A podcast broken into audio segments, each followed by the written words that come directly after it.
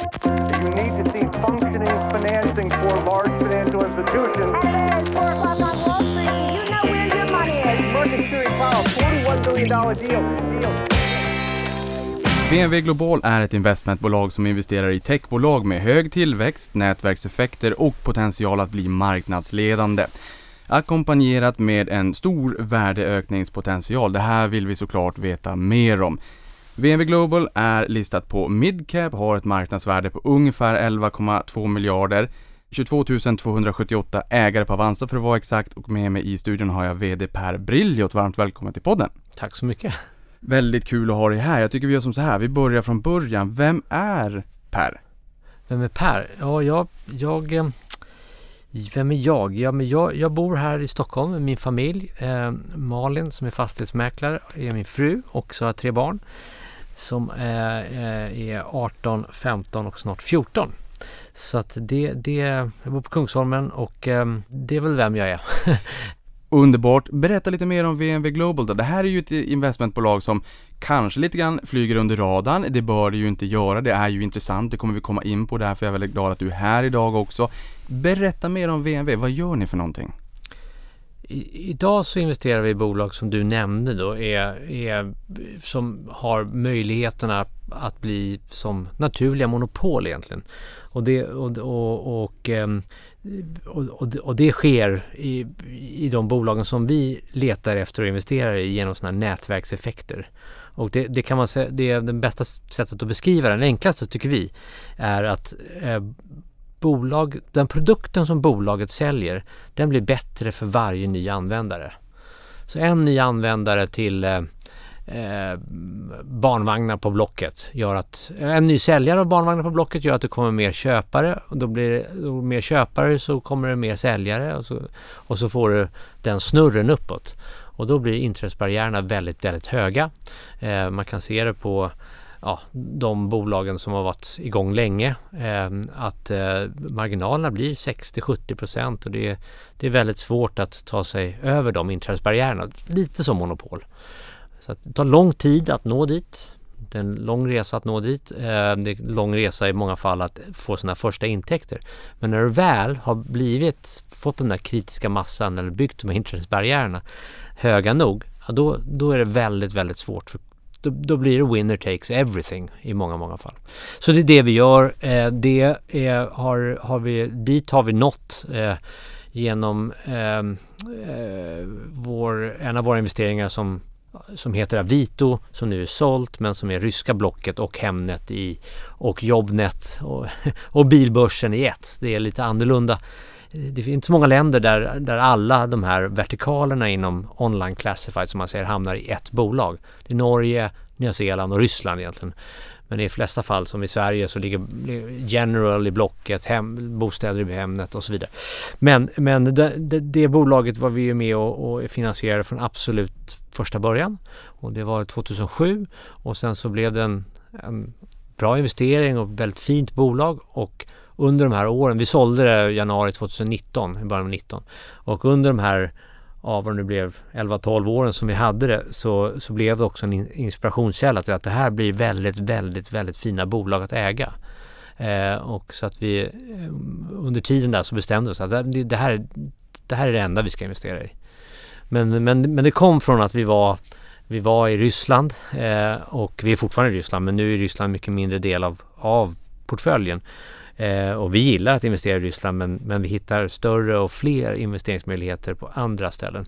Men, men det, det kom från att vi var i Ryssland och vi, vi, vi var pigga på att, för att finansiera eh, entreprenörer i Ryssland lite kring vilken sektor som helst. Och vi, jag satt i styrelsen i Tradera och Tradera köptes här i Sverige av Ebay övertalade Tradera-ledningen att flytta till Ryssland egentligen och ur det kan man säga kom Avito lite grovt. Eh, och, eh, och då, ja, men, eh, men, men nu, nu, nu koncentrerar vi oss bara på det här eh, nätverkseffekter. Ja men det här är ju superspännande. Jag menar många ser ju ändå Avito som en, en framgångssaga. Det här sålde ni väl för omkring 5 miljarder? Ja.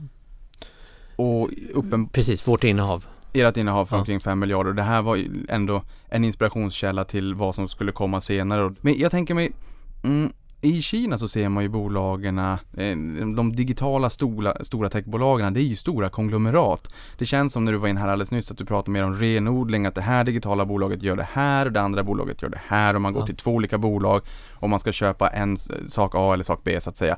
I Kina exempelvis, då finns det ju ett stort konglomerat som, där man gör allt i princip. Tror du att den trenden kommer komma hit till väst eller är det någonting som man hittar mer i, åt öst?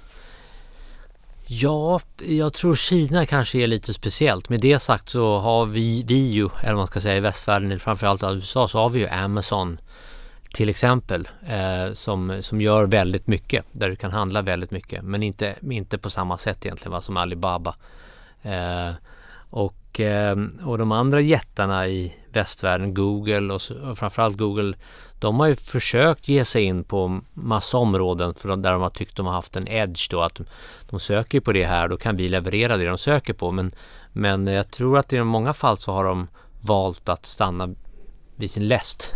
Att eh, det, det, det låta andra leverera eh, och, och de gör det de är bra på. Så att jag tror det är mer modellen. Vi, vi ser också här att det i, i digitala sammanhang så, så blir det ju när, när affärsmodellerna digitaliseras så blir ju i många fall oftast eh, den adresserbara marknaden global. Så då kan du i väldigt små nischer, om du bara höll på med vinylskivor här i Stockholm så är det inte, ja, jag, jag råkar äga den affären, eller vara med och äga den. Jag vet ju att det, de omsätter kanske en 5 miljoner spänn ja, om året. That's it. Men ser du på vinylskivor på globalt, vilket du plötsligt kan göra om du blir digital, då blir ju, då blir även små, små nischer st- stora marknader. Eh, och det blir spännande, speciellt inom det här med nätverkseffekter. Att, att, det är, att alla nördar, liksom, jag är vinylnörd och jag är gitarrnörd. gitarrnörder vi samlas kring en, en marknadsplats som heter Reverb. Den ligger inte på Ebay, där där man skulle kunna tro, eller på Amazon eller på Craigslist eller så vidare. Den ligger på Reverb. För på Reverb, där är, där är du där, där, där, där är du en del av en community som, som man vet vad nördarna vill ha liksom lite grann sådär. eh, och, ehm, och, och så, att, så, att, så att du kan egentligen, du kan egentligen Trenden är mycket mer att det vertikaliseras ner till nischer nu.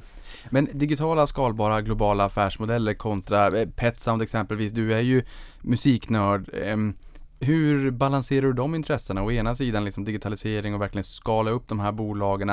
Ehm, typ som men, ett Spotify exempelvis. Kontra det här eh, känslan av att ha den här vinylskivan fysiskt, kunna plocka fram den och titta på den. Och det är ju liksom, jag förstår att du gillar det.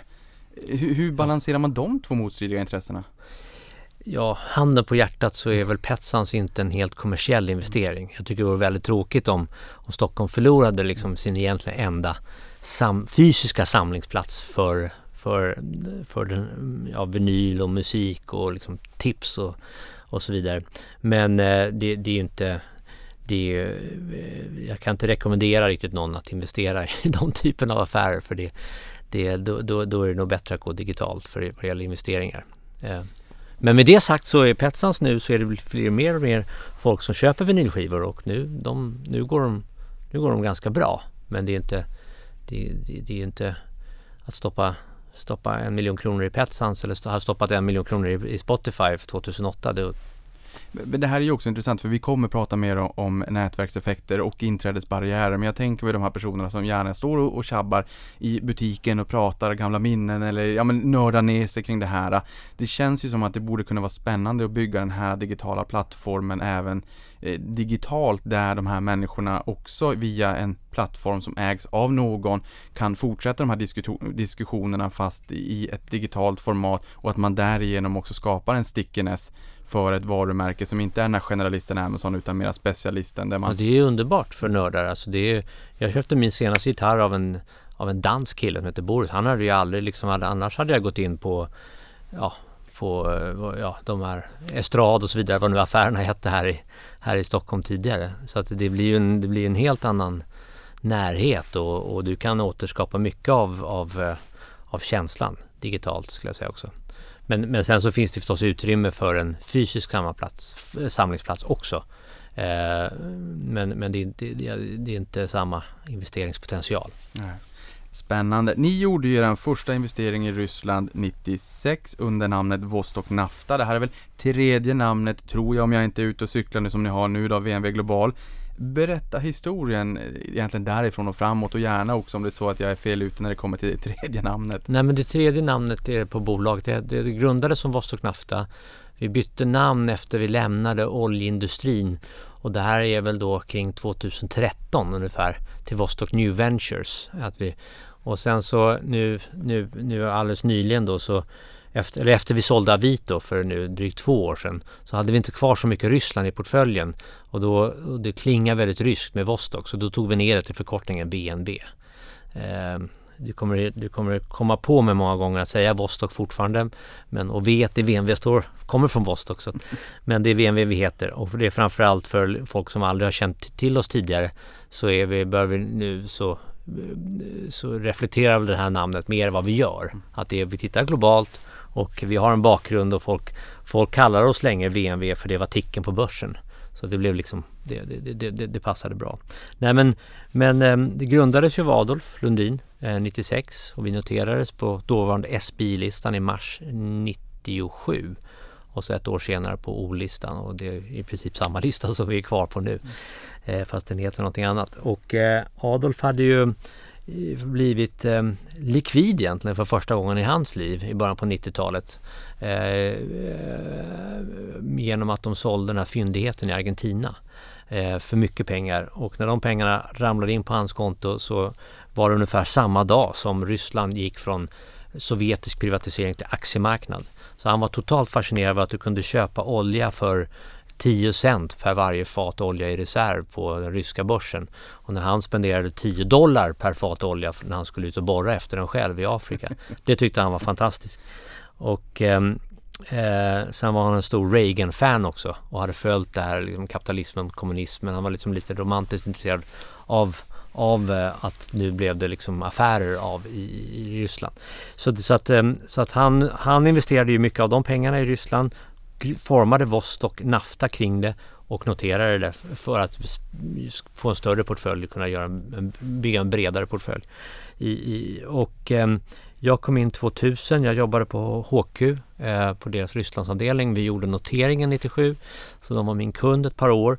Eh, och sen så när första vdn Torbjörn Ranta slutade eh, och gick till det oljebolag som bolaget hade från första åren och sen knoppade av Eh, där, när han gick vidare till det så, så, så frågade Adolf om jag, fick, om jag ville börja och det ville jag. Och det man kan säga att vi har med oss eh, eh, från den tiden även idag det är väl ett är att vi har en, en hög riskaptit. Jag tror att det jag lärde mig mycket av Adolf att det är, det är okej okay att ta mycket risk om potentialen är mycket stor. Så var det, det var ju det han levde efter att, att hitta enorma eh, tillgångar eh, Eh, som inte var upptäckta och eh, ta mycket risk på den och sen så få en stor potential. Och det, och det, det tycker jag vi har med oss fortfarande nu att vi, vi tittar på bolag som har nätverkseffekter, har starka grunder men också är väldigt, väldigt stora marknader. Eh, och den här digitaliseringen återigen ger möjlighet till det. Men eh, det andra är också att, eh, och den kanske jag tog med mig mer när jag började, att vi var väldigt noggranna med att, att inte ha en portfölj som våran typiska aktieägare kan ha själv en, en kund på Avanza eller ett Fidelity eller en svensk pensionsfond. Eh, det de kan äga själva, då finns det ingen anledning att ha ett kostnadslager av oss emellan. Eh, och eh, när, när, vi började på 90-talet då, då var det ju svårt att handla ryska aktier. Det tog två, tre månader att sätta en aktie och det fanns inga. Och, så att då blev vi liksom T plus 3 exponering mot Ryssland. Eh, men sen så när Ryssland blev mycket bättre och det fanns enkla sätt att sätta ryska aktier och eh, om man var svensk privatperson eller Fidelt kunde man ha en ganska bra uppfattning om aktieanalys och så vidare där borta. Då började vi mer titta på saker som var special situations på noterade marknaden. A och B-aktier, de spreadarna. Man kunde komma in i bolag billigt via, via vissa typer av aktieklasser och så vidare. Eh, och, eh, och sen så när det också började tunna ut, då började vi mer titta på att finansiera privata investeringar. Eh, och, ehm, och, och i den privata, de, bland, den, den portföljen av privata investeringar, där, där gjorde vi några som som inte blev någon, någonting att skriva hem om vad det gäller avkastning och de hade som gemensam nämnare att det var enorma tillgångar. Eh, otroligt billigt prissatt, lågt prissatta. Eh, men med en sovjetisk organisationsstruktur. Och det här är ju skog och jordbruk och så vidare. Och eh, vi, vi tog med oss svenskt industrifolk som kunde driva de här verksamheterna. För det var inte så stor skillnad hur man drev dem i Sverige. Eh, men det visade sig att man, man var tvungen egentligen vara ryss för att slå sönder den här sovjetiska organisationsstrukturen. Det var väldigt svårt att göra som utlänning. Det har ryssarna gjort väldigt framgångsrikt själva i oljeindustrin och så vidare. Eh, de två bolagen som, som blev väldigt framgångsrika investeringar eh, var båda, de hade som gemensam nämnare att de hade ingen sovjetisk baggage. Utan de var, de var startade från ett blankt papper av entreprenörer. En var Tinkoff eh, Credit System som blev nu, som är Rysslands absolut ledande digitalbank. Eh, som var grunden till, att, till Vostok Emerging Finance, eller VEF, som är vår lillebrorsa eller lillasyrra. Eh, och som koncentrerar sig på fintech. Och det andra var Vito, eh, och som blev inspirationskällan till det vi gör idag. Oerhört inspirerande resa får man ju säga. Men idag som du sa, det är mindre exponering mot Ryssland. Men någonstans så känns det väl ändå som att din, din bakgrund och din uppväxt eh, ändå kan spela en viktig roll i den man är ju in i tillväxtmarknader. Berätta lite mera om, om uppväxten och, och um, hur den kan hjälpa dig idag i, i de tillväxtmarknader ni befinner er i. Ja, nej men jag, jag, började på, jag började på eh, HQ på, på andra avdelningar, eh, på deras fonder först och sen deras optionsavdelning. Men 95 där så drog de igång Rysslandsavdelningen och jag, min farsa jobbade på UD så vi reste runt när han var stationerad eh, på olika ställen runt om i världen. Så att vi, vi bodde i, i Holland och sen i Ryssland och sen i Irak och sen i Egypten. Eh, och eh, Ryssland eh, så gick jag i någon sorts liksom förskola. Och, eh, och så att när, när HQ startade den här Ryssland, Rysslandsavdelningen tyckte jag att det verkade mer spännande än svensk aktiemarknad och eh, så hoppade jag på det. Och eh, bakgrunden spelar väl någon sorts roll också därför att vi vid när vi, när vi bestämde oss för att bara göra Avito-typ av investeringar och det här är ungefär 2014 då, 15 Eh, så, så, så bestämde vi oss också för att vi måste titta bortom Ryssland därför att i Ryssland så äger vi egentligen allt som man vill äga för att Avito i sin tur ägde alla vertikaler. Och då var vårt första steg när vi då tillät oss att kolla globalt eh, att titta i Mellanöstern. Så, jag, hade, jag var uppväxt i, i Bagdad och i Kairo och, eh, så att våra första investeringar bortom Ryssland var, var fokuserade på den delen av världen. Och den har gemensamt med Ryssland att jag tror från, från håll så kan man tycka att Ryssland är, är läskigt. Det är gas, Kalashnikovs, Putin. Alltså, men men om, du, om, du, om du är där och har varit där och känner människor där så ser jag att det är en medelklass som är stor och som konsumerar och beter sig precis som oss. Eh, och det är den du investerar i. Att, och, och samma sak i nu i Mellanöstern så är det ju så är det ju krig och Isis och ja, olja. Men det finns också en jättestor och växande medelklass där som, som är eh, ja, precis som vi. Och det här kommer vi komma in på mer under avsnittet för det känns ju som de marknader ni är exponerade mot så är det just medelklassen, vanliga människor, konsumentnära tjänster som ni, som ni har i portföljen. Ni fokuserar ju på som sagt då techbolag med hög tillväxt som åtnjuter nätverkseffekter i sektorer med höga inträdesbarriärer. Så både nätverkseffekterna och inträdesbarriärerna skyddar ju gentemot eh, konkurrenter då. Berätta mer om investeringsfilosofin och hur den, nu förstår vi hur den har utvecklats över tid fram till att ni bestämde då liksom att det här med Avito det är spännande, det här kommer vi fokusera på. Men eh, berätta mer om, vad innebär det här rent i, i praktiken? Ja, alltså det, det, vi letar efter nu i, i våra investeringar det är nummer ett att det är de här nätverkseffekterna. Att, att, att inträdesbarriärerna byggs av sig själv eh, med användare till exempel på en marknadsplats eller med data. Eh, Eh, så det är nummer ett. Nummer två är att, eh, att det är, är väldigt tongivande och starka och förändringsbara eh, grundare kan man säga. Att de har de här olika kvaliteterna därför att ofta är ju vi inne i bolag eh, som är unga och bolag som är, ger sig på att disrupta, digitalisera eh, någonting helt som, är, som ingen har gjort förut. Och då är det, då, som i hälsa nu egentligen med, med Babylon. Och då är, det, då är det inte alltid man vet exakt hur det ska se ut om fem år och tio år. Eh, och då, då gäller det att, vara, att kunna liksom styra om skutan en aning under, under de här åren för att inte liksom hamna fel. Eh, det är lite annorlunda mot Avito. När, vi, när Avito drog igång då kunde man titta på Schibsted. Chipset. Så här, så här prissätts det i Skandinavien, så här mycket pengar per användare genererar Blocket och så vidare. Så skulle man säga, ja men det, då, då ska det gå hundra gånger. Så då, i, de här, i de här nya investeringarna då, då, då är det inte alltid det finns en, en förlaga. Eh, utan då är många i vår portfölj är förlagorna redan. De, de, är, de är först och blivit störst, vilket är väldigt viktigt då. De, de största vinner. Um, men, eh, men så det är nummer två. Så att ett, nätverkseffekter, två, grundare och tre, att det är stora marknader. Och det är i många fall då så, nu är vi här i Sverige och vi har en enormt, und, eller en helt fantastisk, skulle jag säga, entreprenörs eh, eh, anda här i, i, i Sverige. Det är väldigt duktiga entreprenörer som bygger väldigt fina bolag. Men, eh, och, och man får nästan hålla sig för att, att inte att man, många som man vill finansiera. Eh, men vi men, men, men, men om man och de kan bygga väldigt fina bolag bara på den svenska marknaden men då blir det lite för litet för oss utan det, ska, det, måste, det måste vara större. Med det sagt så har vi investerat i bolag som förmodligen bara kommer bli svenska men, men eh, vi, vi, vi försöker vara disciplinerade att det ska vara att den här totala adresserbara marknaden ska vara mycket stor. Men, men, hur, hur bedömer man nätverkseffekter när man sitter hemma på sin kammare eller på kontoret på VNV och funderar kring, jag menar, här är ju många bolagen i portföljen som du säger pionjärer i sina respektive gebit. Mm.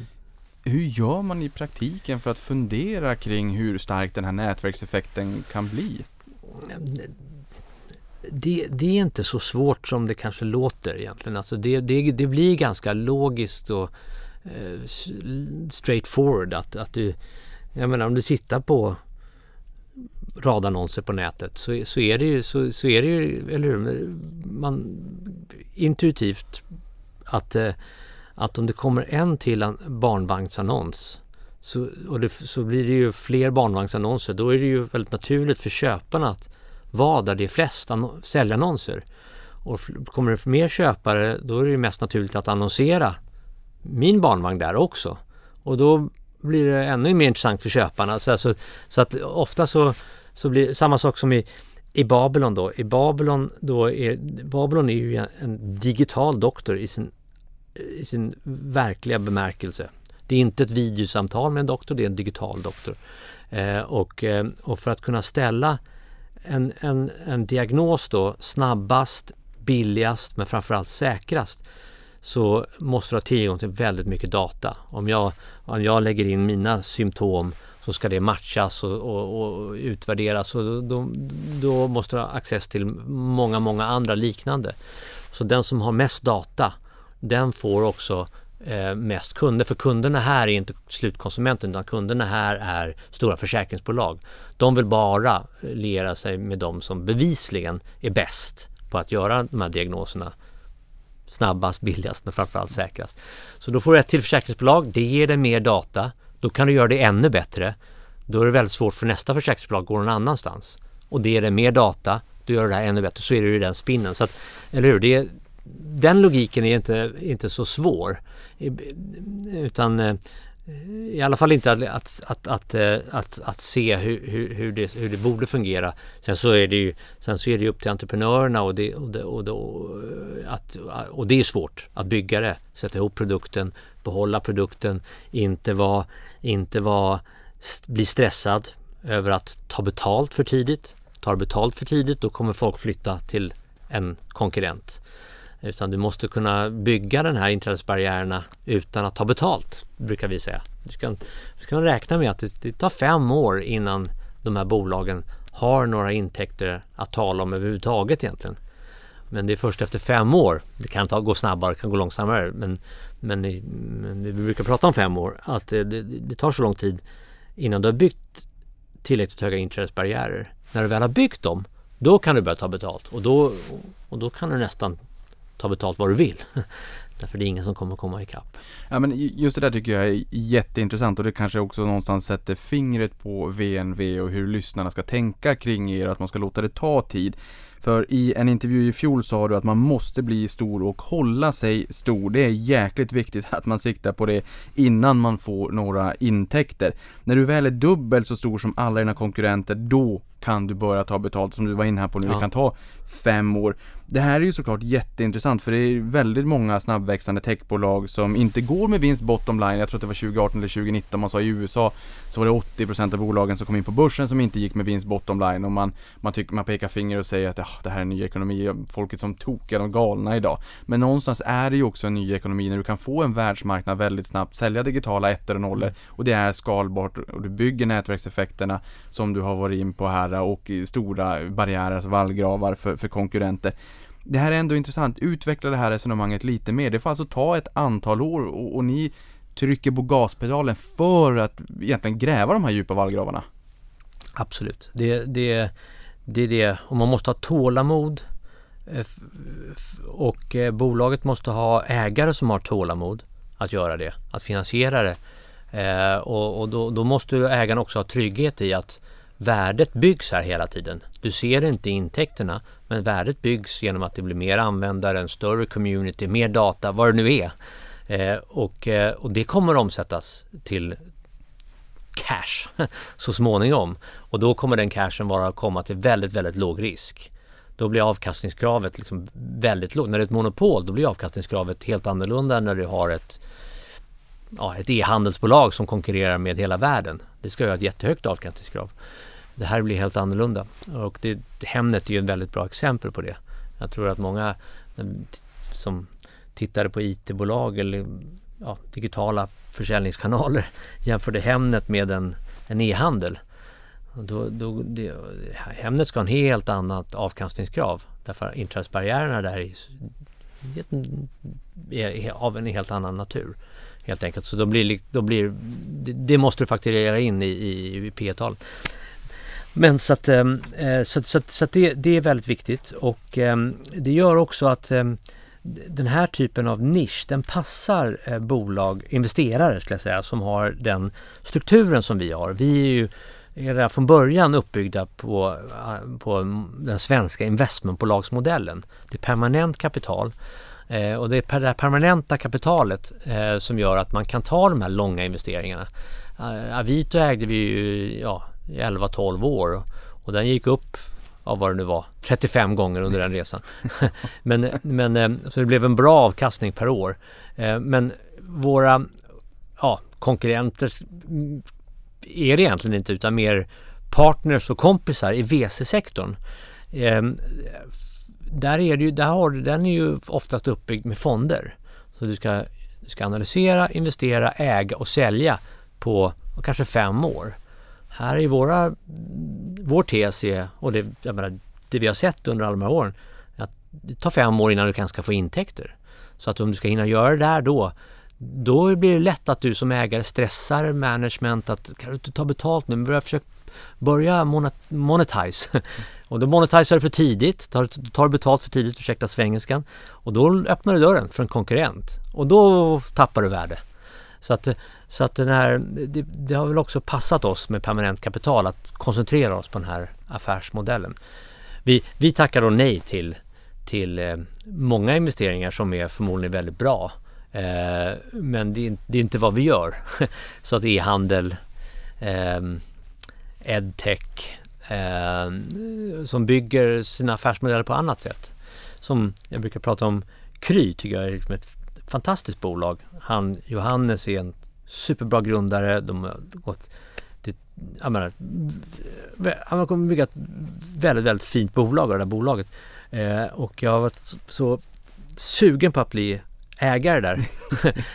Men det är inte riktigt vad vi gör. Så att jag, det jag säger liksom att vi, vi det, bara för att inte vi investerar behöver det inte vara bra bolag. Men vi, jag tycker det är viktigt, kanske, kanske för att jag är noterad, att vi koncentrerar oss på en sak här. Eh, och, eh, och det är de här nätverkseffekterna. Ja, vi har ju digital hälsa i, i portföljen också. Vi kommer ju komma in på det. Men jag menar, vi lever i en pandemi nu, vilket är konstigt på många sätt och vis såklart. Sjukvård kontra hälsovård. Jag tror att det kommer bli mer fokus på hälsovård post pandemic.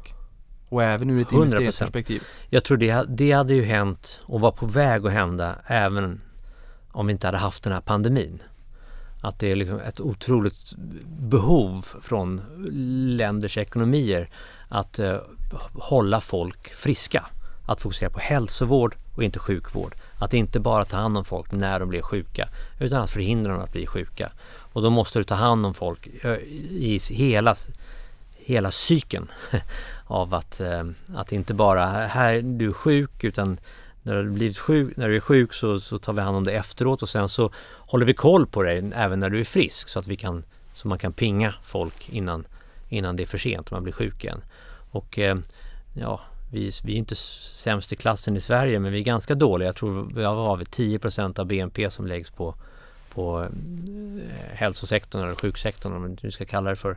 Jag tror i USA ligger det på 17-18 procent. Mycket sämre än oss. Singapore är, ligger på 4 procent. Och, och Singapore, lite mindre land, men om du även tittar per capita så har de mycket bättre resultat även vad vi har.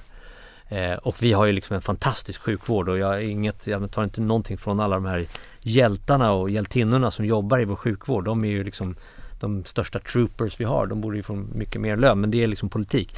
Men, eh, men eh, generellt så, så, går, så behöver liksom världen gå åt det här hållet. Eh, och det hade hänt eh, även om inte pandemin jag tror man eh, på, på global nivå ligger Eller- man väl också på 12% av BNP så att även globalt ligger man högre än, än den siffran du gav för Sverige där. Mm. Skänker väl lite eftertanke. Jag tänker Avito var ju en framgångssaga. Är det möjligt, och samtidigt som du sa att Sverige ibland kan bli lite litet. Vissa bolag kommer en kom, ha Sverige som marknad och andra kommer bli globala. Men är det enkelt att liksom kabla ut en god affärsidé runt om i världen? Jag tänker Latinamerika är ju den regionen i världen nu som jag har förstått det där internetpenetrationen växer snabbast. Vi har Mercado Libre som eh, är duktiga, kapitaliserar på det där. Du pratade om Ebay och hur du hade kopplingar till Tradera tidigare. Ebay avknoppade ju och noterade ju Paypal som har en ägarandel i Mercado Libre. Världen är sammankopplad. Mm.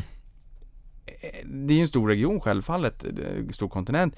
Men är det möjligt att ta en god affärsidé som har funkat på ett ställe och rulla ut den någon annanstans? Ja men, men det är det ju.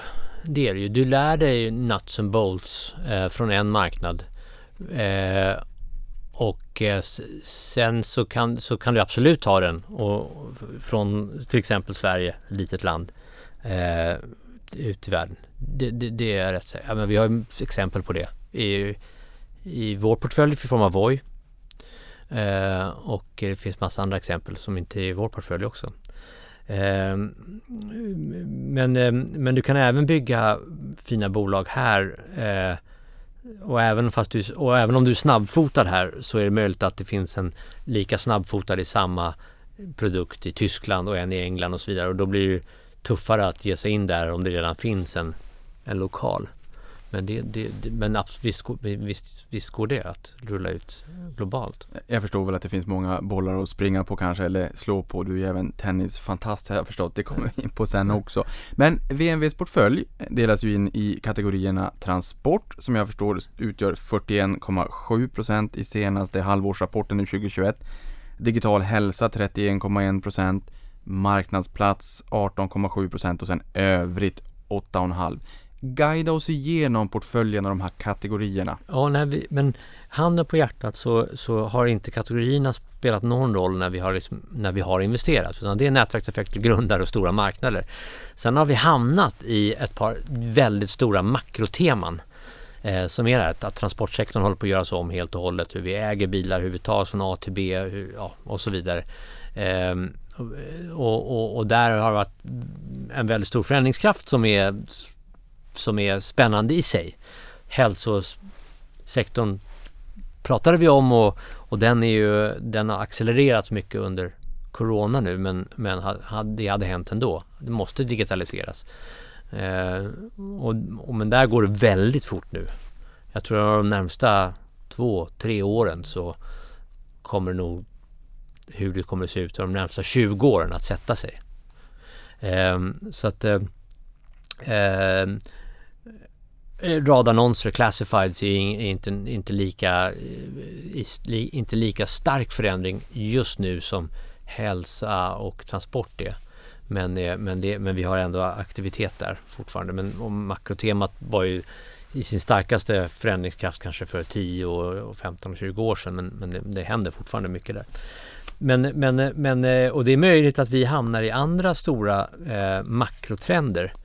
Det känns som att vi, vi kommer att ha mycket mer, mer som är mer renodlat mot klimat.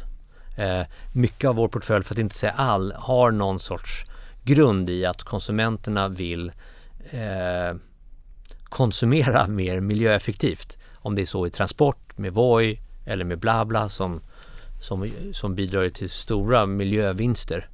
Eh, och eller, eh, eller eh, Ja, det är, alltså, har, eh, nästan allt i portföljen har den bakgrunden men, men vi har en, en kategori som börjar komma nu som är kanske ännu mer tydligt mot klimat. Så att eh, skulle det vara ett stort makrotema som växer fram så skulle väl det kanske vara det fjärde. Men som sagt, det viktiga för oss är att det är har de här nätverkseffekterna. Men just de här klimatinvesteringarna som du pratar om, att det skulle kunna bli ytterligare en kategori, även om det, liksom, kategorierna är inte så viktiga utan just nätverkseffekterna och inträdesbarriärer och så.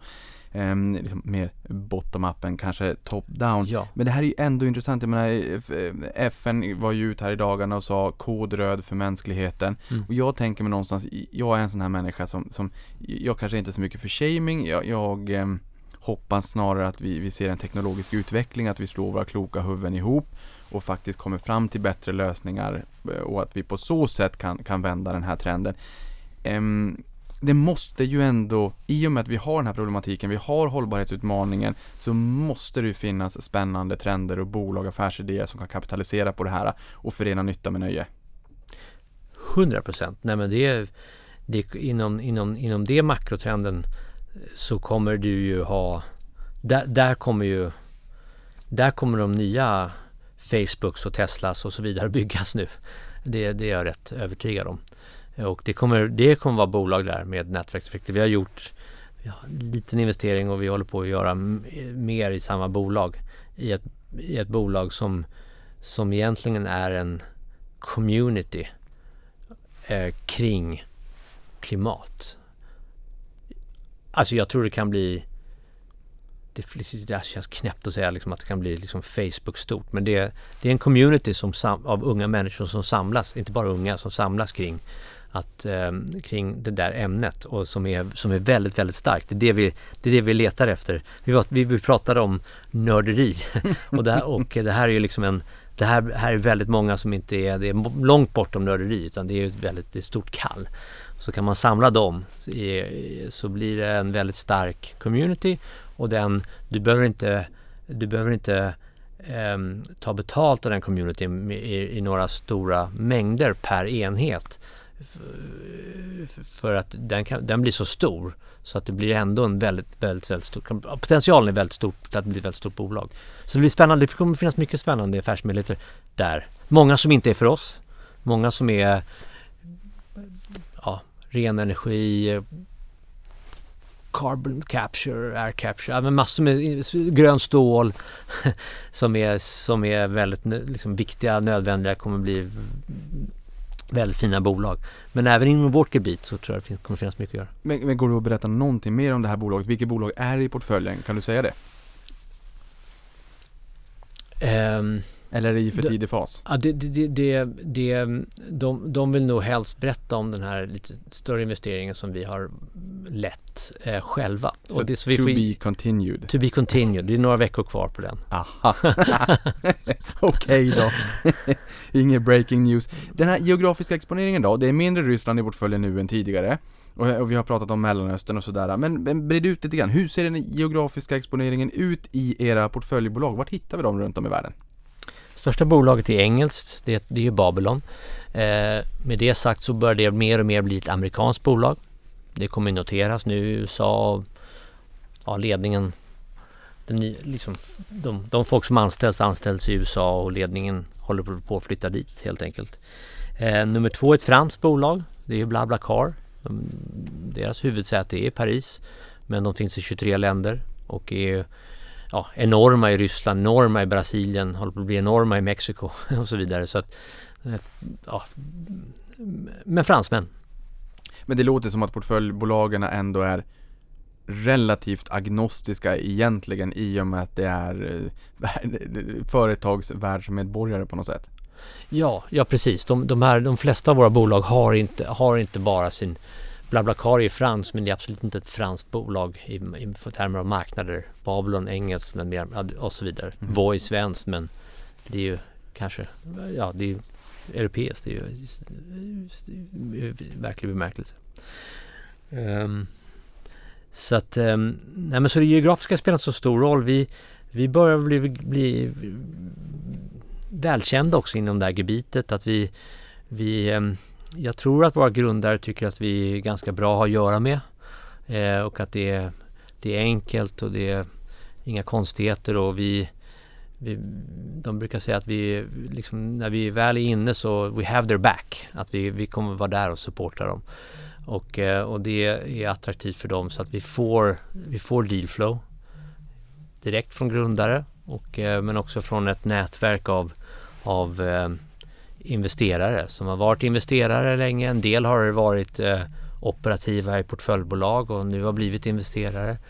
Och så det är en, det är en eh, affärerna kommer från olika håll och, då, och de kommer också då från väldigt olika geografiska håll. Men det är viktigt tycker vi att vi, vi har, vi har sedan förra året lite mer formaliserat det här i form av ett scoutprogram. Så vi har ett antal scouter nu som är folk som vi har känt länge Eh, och som vi eh, som, eh, som oftast opererar då som investerare i väldigt tidiga bolag eller som, som, som, som, som entreprenörer och får mycket eh, förfrågningar om tips och sådär från eh, andra tidiga bolag. Och tidiga bolag i tidigt skede behöver alltid egentligen finansiering. Så att investerar vår scout för sig själv då, då, och det är, det checkar våra boxar med nätverkseffekter och så vidare. Då investerar vi 5 till 10 gånger vad scouten gör. Vi ger scouten en del av uppsidan på vår första investering mot att scouten sköter det här och tittar på det. För det gör han ändå eller hon med för att de, gör sin, de tar ansvar för sina egna pengar. Men sen har vi då möjligheten att när bolaget gör det till nästa runda, då kan vi gå direkt själva. Men då har vi redan någon sorts kontroll över det hela. Eh, och, och det är så där har vi nu en handfull scouter, fem, sex, sju stycken. En del svenskar, en del utlänningar. Och eh, tanken är att det ska bli tio scouter. Alla scout, varje scout har en portfölj på ungefär tio bolag. Så får du en, en, en väldigt stor andel, eller väldigt stor, stort antal unga bolag som kommer att vara bra grogrund för vårt framtida dealflow. Sen gör vi investeringar direkt själva och sen får vi propåer hela tiden så att det, det, det, det, det är vi mycket entusiastiska över. Därför att som vi pratade om i början så tar det ju tid för de här bolagen att bli, bygga de här inträdesbarriärerna. Och alla de bolag som vi nu är ganska stora i vår portfölj, de var helt i skuggan på Avito för två, tre år sedan. Vi pratade aldrig om dem, för de var mindre. Eh, och Avito var stort. Och nu är, nu är det ju massor med saker som ligger helt i skuggan av Babylon. Som vi inte pratar om, de är för små och så vidare. Men när Babylon någon gång liksom ja, när vi säljer Babylon, det är inte, vi är inte i närheten av det ännu, då kommer de här komma fram ur den skuggan. Det är ju väldigt, väldigt intressant och som du säger de här scouterna, ni kommer ju också som jag förstår det i varje kvartalsrapport att skriva om ett case också ja, eh, som de här det. scouterna har hittat så att man hela tiden får en liten känsla och får läsa lite grann kring dels vad de hittar och hur, hur hur caserna ser ut och sådär. Så det är ju mm. någonting som man som investerare också kan förkovra sig i, i de här kvartalsrapporterna. Ja, ja nej, men det, det är ambitionen.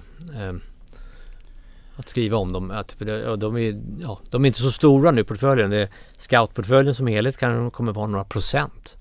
Men, men ur dem så kommer det komma nästa vit och nästa Babylon och så vidare. Det låter jättebra och på tal om inträdesbarriärer så utvärderar ju och kategoriserar ni era bolag efter hur djupa vallgravar de har enligt er egen modell över inträdesbarriärer. Och här, eh, som jag förstår så kategoriserar ni in dem också i Growth och New Ventures och inträdesbarriärerna här då. Och här hittar jag ju eh, Digital Brand, Community Effects, eh, Exponential Benefits of Scale, Data and AI Advantage och Network Effects. Eh, Kan du berätta lite Mm. mer om den här modellen? Ja, visst, Nej, men nätverkseffekter det, de, kom, de kan komma i olika grader. Holy Grail är egentligen eh, Hemnet och Avito och så vidare. Där, där blir inträdesbarriärerna så höga så att du kan du ser bolag som Avito som, som hade 60 ebitda-marginal år efter år. Rightmove som i Hemnet i England som har varit noterat länge har man legat där uppe 60-70 procent. Så, att, så då, och i de marknaderna där är det oftast att winner takes everything. Men sen så kan du gå ner från det eh, och hamna i, i eh, mobility oftast i de här eh, Uber-affärsmodellerna och i, ja, i Voi också så är det inte alltid att det blir att det blir att winner takes everything. Men winner takes most eh, blir det ofta. Så att det är väldigt, väldigt viktigt fortfarande att vara etta. Jag tror som i, i Voi-fallet så kommer ettan ta vara väldigt lönsam. Och Voi är ju lätta i princip alla sina städer de är i.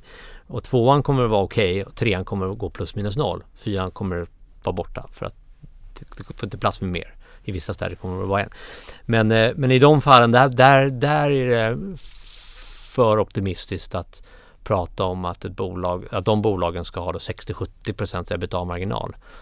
Men de kommer ligga på en 30 kanske liksom, ja, mellan 30 30-40. Jag menar, det är det är väldigt, väldigt högt. Va? Det, blir, det är eh, och sen, men sen så finns det också om du går ner på community-nivå så, är det, så, så, kan du, så kan du fortfarande ha nätverkseffekter, fortfarande bygga inträdesbarriärer men det kommer finnas lite konkurrens och då hamnar du på lite lägre men det är fortfarande spännande. Det är, fort, det är inom vår, vårt gebit. Så det, är det vi har försökt illustrera i, i den här i en bild som vi har i vår presentation där vi pratar om hur, att det finns olika grader av nätverkseffekter. Och, och förutom nätverkseffekterna och inträdesbarriärerna så är det ju klart att det, är ju människor det handlar om. Hur gör ni för att, förutom scouterna som ni har som också hjälper er, hur, hur gör ni för att hitta rätt människor? Att ta rygg på som ni vet är duktiga och som kanske har ett bagage av att ha har skapat eh, framgångar tidigare och sådär. Och hur, ja, hur behåller ni? De fortsätter väl liksom utveckla sina bolag så att säga. Men hur hittar ni människorna som ni, som ni vill investera i och som ni tror på? Gru- grundarna menar du? Entreprenörerna? Ja, hur hittar vi dem? Ja, nej men vi, vi eh, det finns väldigt mycket duktigt folk där ute och, och, och det, nej men vi försöker vara noggranna eh, och, och lära känna dem innan vi investerar egentligen. Och ibland går det fort, ibland tar det lite längre tid. Det, det, jag har ingen, det är ingen sån här ABC, det, du, du ska ha det här, det här, det här, det här, check och så, så in. Utan det blir mer, man, man, man ses, man pratar och man får skapa sig en uppfattning om varandra. Ja det är såklart, det är ju en svår fråga och som sagt det är ju människor det handlar om ändå. Men är, är det vanligt att eh, ni har investerat och tagit rygg på en duktig entreprenör, den, den- den personen kanske gör någonting nytt sen och ni känner att ja men nu har vi ju en relation sen tidigare, vi vet att vederbörande faktiskt levererar på det den säger och att Ja, ja. nu vill vi ha med Ja, igen. Avito är en sån. Avito var ju så. Både Filip Engelbert och, och Jonas då hade vi sett i andra roller. Och när de startade Avito då, ja, det var ju självklart check på den. eh, och eh, nu så har vi säkert flera sådana i portföljen. Men, vi har, men, men eh, det är mycket som kommer från Avito och Jonas och Filip har ju varit liksom väldigt inspirerande som individer för oss, för mig och så vidare. Eh, hur de var tillsammans, är tillsammans fortfarande liksom. Och, eh, men eh, vi har eh, så att det finns, det finns, det finns, det finns eh, investeringar i portföljen som kommer vara som där det säkert kommer vara att de existerande bolagen säljs så småningom de gör nästa sak och då kommer vi vara med på nästa resa också. En spännande resa av många i portföljen är ju Babylon som vi har pratat om här tidigare, grundades 2015 och beskrivs som en pionjär inom personlig digital sjukvård globalt. Bolaget ingår ju i kategorin digital hälsa och utgör 28,2% av portföljen nu då per halvårsskiftet.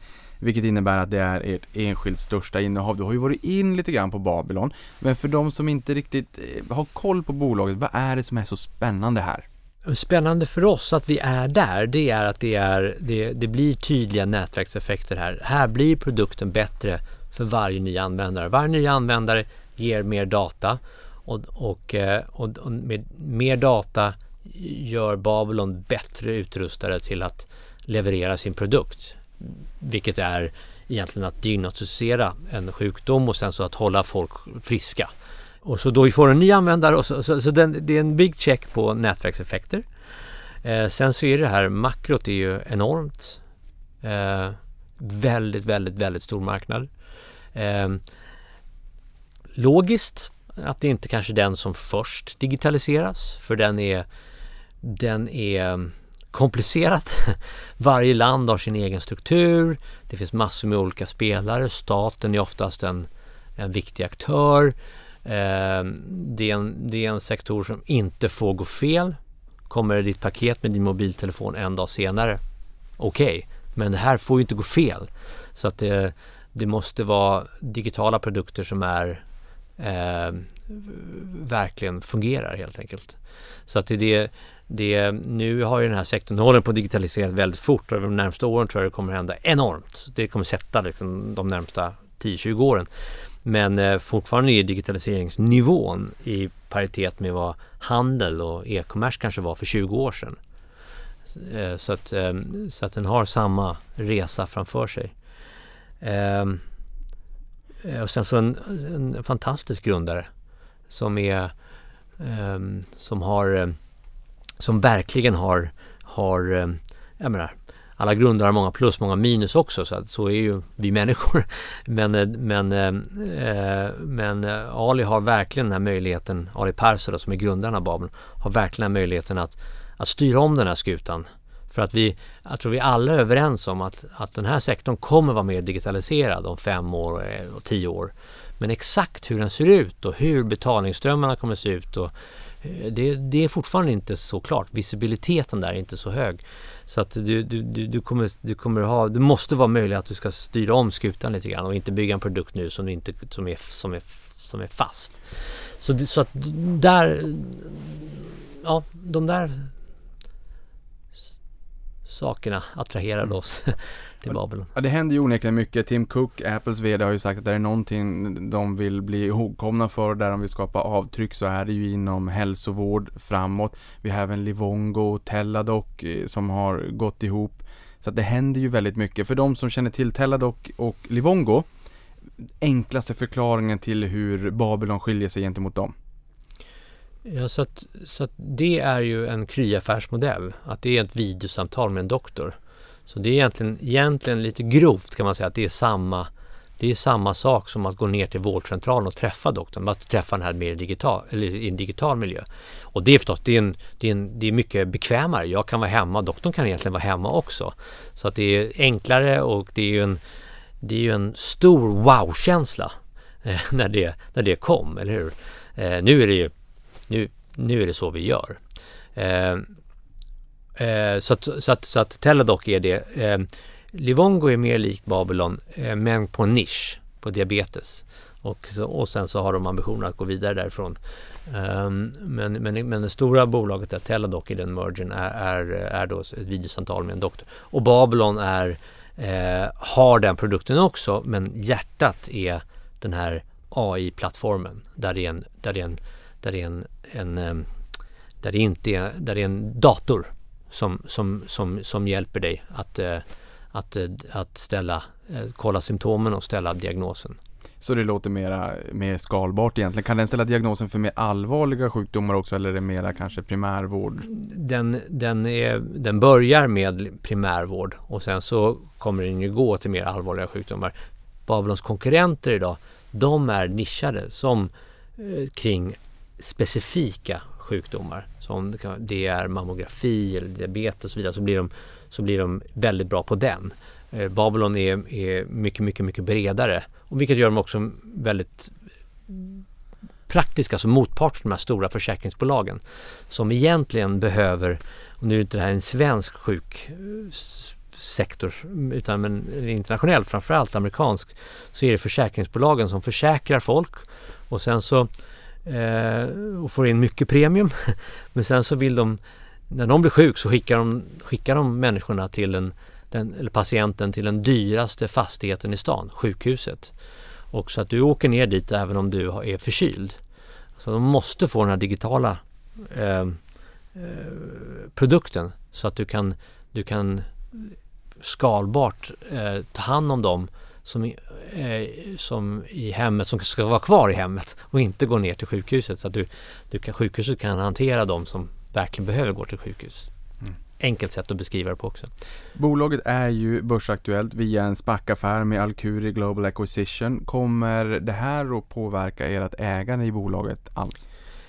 Nej, vi, vi, eh, vi avser, vi, vi, vi tycker att det finns en mycket, mycket stor potential kvar i Babylon. Ja, det här noteras nu på en, ja, en, en post-money-värdering på 4 miljarder dollar. Och jag tror att det, jag tror det finns en potential om kanske 10 gånger till i det här. Eh, så att vi, vår, vår syn är att det här ska vi vara långsiktiga kring.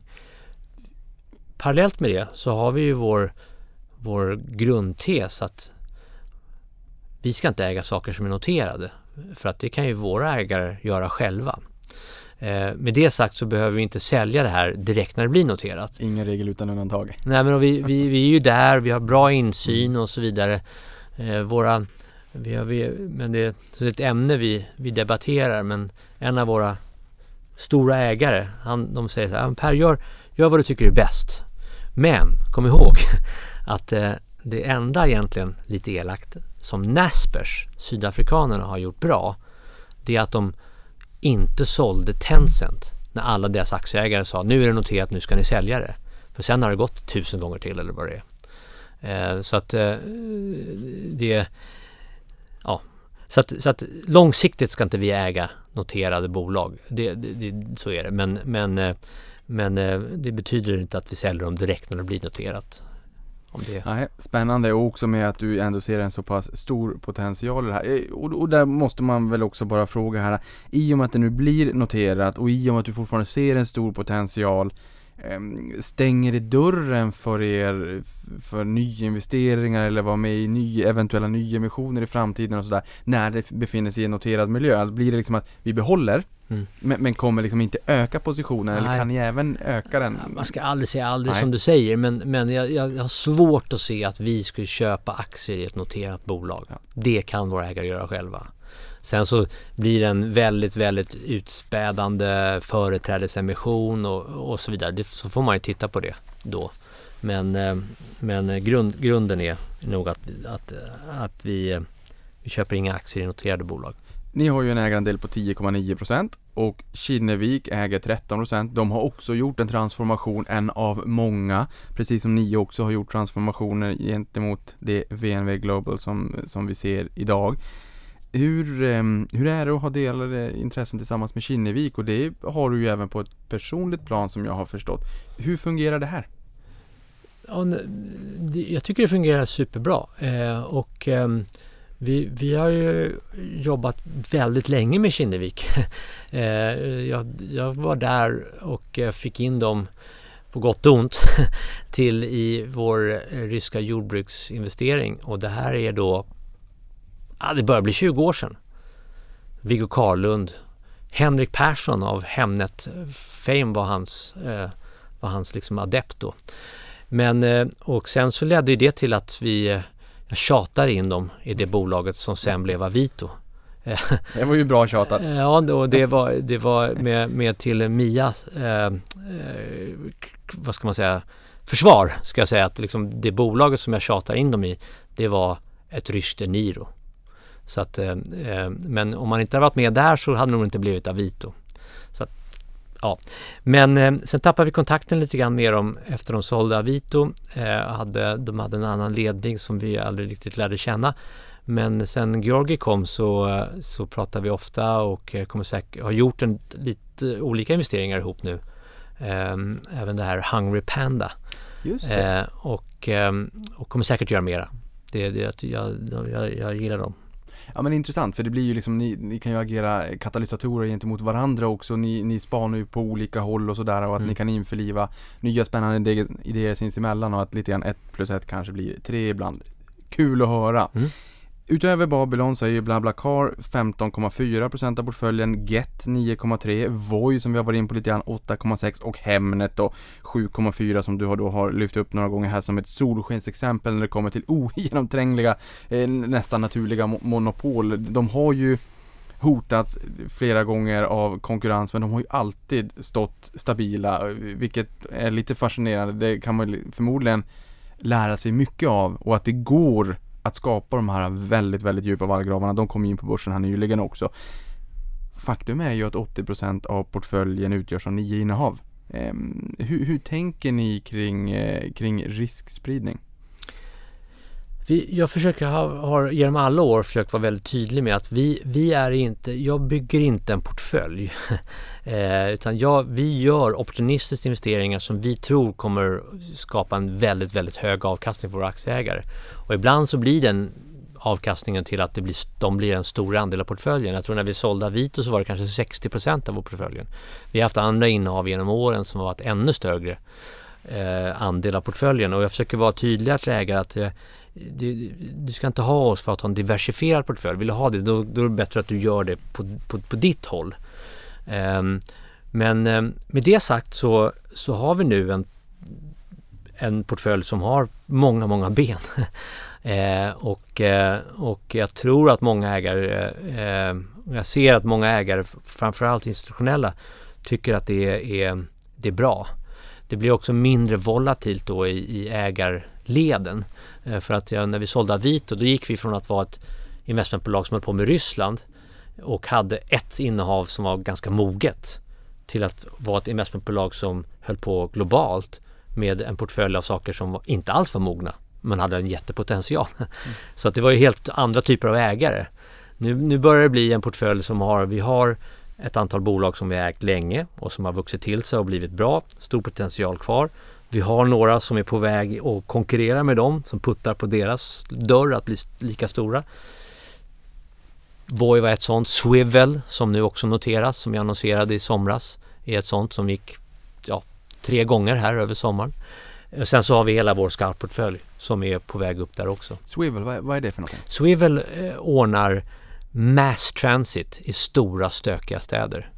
Eh, det är ett egyptiskt bolag men som är, jag tror, jag kan inte säga att det är det första bolaget från Mellanöstern som bygger en helt global produkt. Så att, så att bo, bor du i Kairo och du är medelklass, då finns det bara ett sätt att ta dig till jobbet. Du åker buss. Du går ut till din busshållplats och det kan ta två timmar innan det kommer en buss där du, där du ens får ståplats på. Eh, så att eh, Swivel har gjort att de har kontrakterat upp det lite bättre bussutbudet. Satt en GPS på bussen, en app på resans telefon. Så du köper en plats på din buss.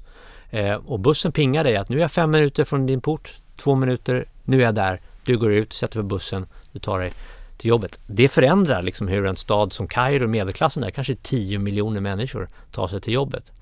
Så Kairo var först och vi, de, de, de opererar under den här If you can make it in Cairo you can make it anywhere. så de, sen har de startat i Nairobi, Karachi. De, ja. Så vi, vi har finansierat den från kanske 100 miljoner dollar. Vi gjorde en finansiering som var kappad nu på 300. Nu går de till börsen på en miljard. Eh, och den, den, den har vi aldrig pratat om. Vi har alltid gillat den men den har varit för liten. Men nu är den, nu, ja, vi äger en stor del av det bolaget. Den, den är uppe där nu och trängs med Voi. Ja, det låter ju verkligen genialiskt. Just det här med att ha GPS-pucken på bussen också. Jag menar, som när man växte upp och skulle till skolan och man kunde missa bussen ibland. Det hade varit perfekt att veta exakt var den var. Ja. Och just som du säger också, jag menar det här med medelklassen som ska ta sig till jobbet och du vet inte ens om du tar dig till jobbet i tid eller inte. Nej, nej, det blir helt o, helt om, ta, ha ett möte så måste du Ja, du måste vara ute i timmar även fast du, om det är inte är någon trafik och du har en bil men bilen är för dyrt för taxi är för dyrt så är du där på en kvart kanske. Det är ju otroligt för det, det är ju svårt lite grann att tänka på det här som, som svensk investerare kanske om man inte är ute i vida världen och ser de här utmaningarna och de lösningarna som ni uppenbarligen investerar i för att eh, här tänker man ju bara på att bussen kommer ju, man ser ju exakt i två minuter kvar, sen kommer den. Ja, Det är nej, ju inte en del av våran verklighet. Nej, nej, nej, nej men det är, en, det, är en, det, är en, det är verkligheten för en, den, den stora befolkningen där ute. Get som är 9,3% av portföljen har, du, har vi ju inte kommit in på riktigt under podden. Berätta lite mer om dem. Ja, Get började som en, eh, en, en Uber-produkt. Men sen när konkurrensen blev för stor där eh, så valde de att ställa om sig till att bli en, en, en software, en software as a service-produkt. Så nu, nu säljer de en, en mjukvara till stora företag som hjälper stora företag att managera all sin ground transportation. Så att vi typiskt sett är ett av de, de här, en av de, ja, McKinsey, tror jag, jag tror det är McKinsey som har 250 miljoner dollar i, i kostnader för taxi varje år. Och du kan tänka dig, det är Taxi Stockholm och det är Black Cabs och det är Uber och det är India. Det, det är liksom, det är totalt Virvar. virvar över det. Eh, så att det här, det här ger alla på McKinsey då, eller motsvarande bolag en, en mjukvara för att beställa din, din, eh, din eh, ground transportation. Och det kan vara i en, en, en Prius och det kan vara en limousin. Det, allt det finns, men det är optimerat för pris. Men sen så också så optimerar du för backend och fronten och så vidare så att de tar ner kostnaden för företag med 25 procent. Och det väl ganska mycket pengar på, de här, på de här stora företagen. Så att de är, de är ensamma att göra det. Och eh, du kan egentligen inte göra det där om du inte har varit i ride-hailing. Eh, och eh, ja, det är ytterligare ett bolag som är på väg till börsen.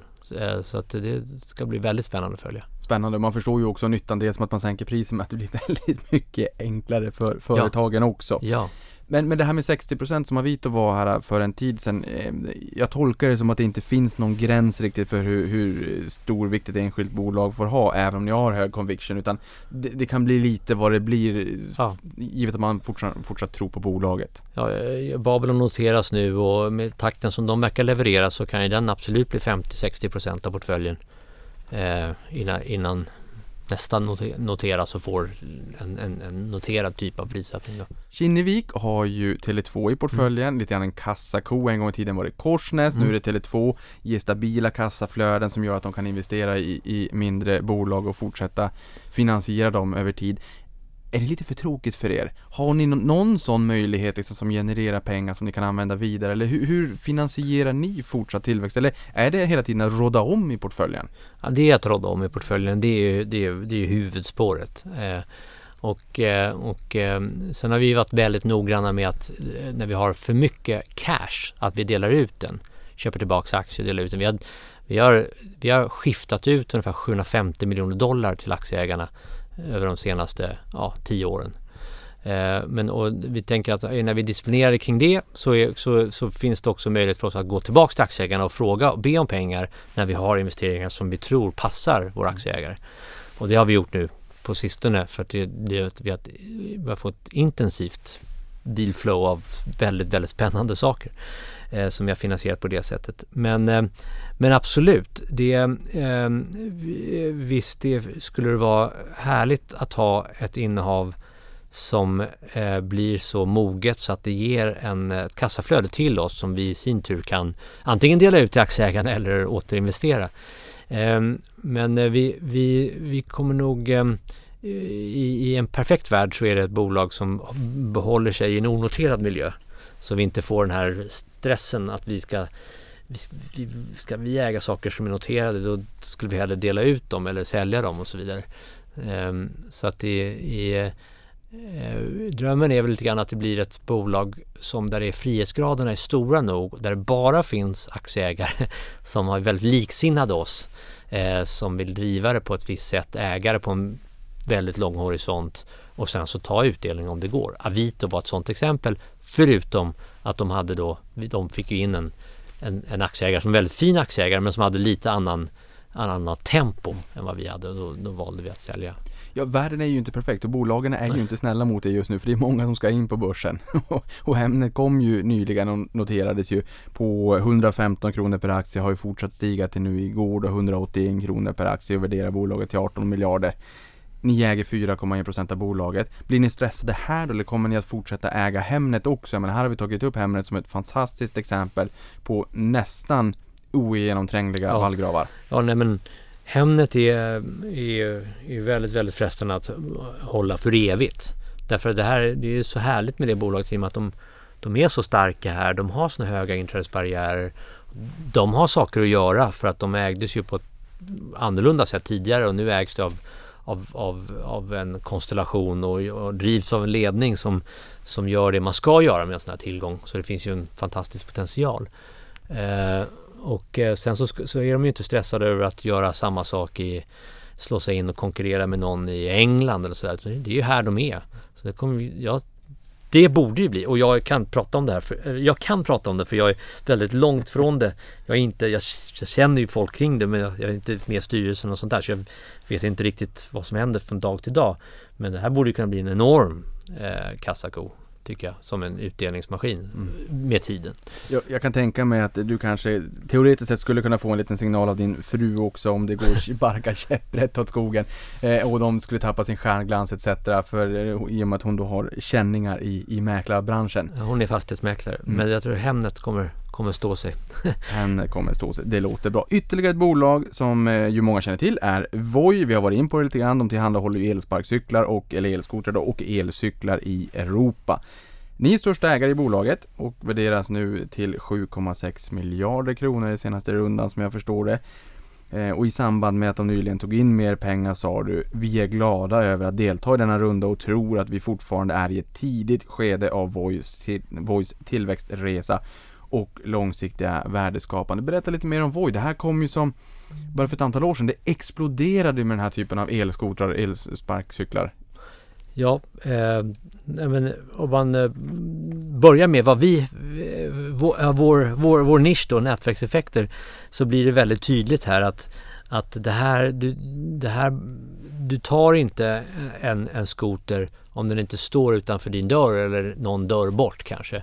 Står den längre bort då, då tar du buss eller cyklar eller vad du gjorde innan de här sakerna fanns.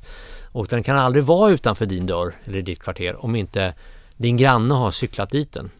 Eh, så, att, eh, så att den som har mest användare får störst spridning. Och den, spridningen ger mer användare. Och det ger mer spridning och så vidare. Så är det ju i den där att det blir väldigt tydligt att den som är att det får de här nätverkseffekterna helt enkelt. Nu är ju branschen är fortfarande i sin utveckling eh, så, att, så att det är inte så att eh, det är i alla städer i alla fall. Där att du, du har en som har slagit ut alla andra. Utan Det finns fortfarande folk som är kvar. Men jag, vi ser tydliga nätverkseffekter. Så vi ser väl tydligt liksom att det kommer eh, gå mot att det, det är en, kanske två stora städer, kanske tre som, som finns kvar. Så att eh, checka vår box stort. Eh, ja, vi, eh, vad ska man säga, vi, eh, vi hittade Fredrik i Avito eh, lägret. Han hade jobbat där eh, och, och har ju visat sig vara en fantastisk entreprenör. Ung, byggt ett ungt team.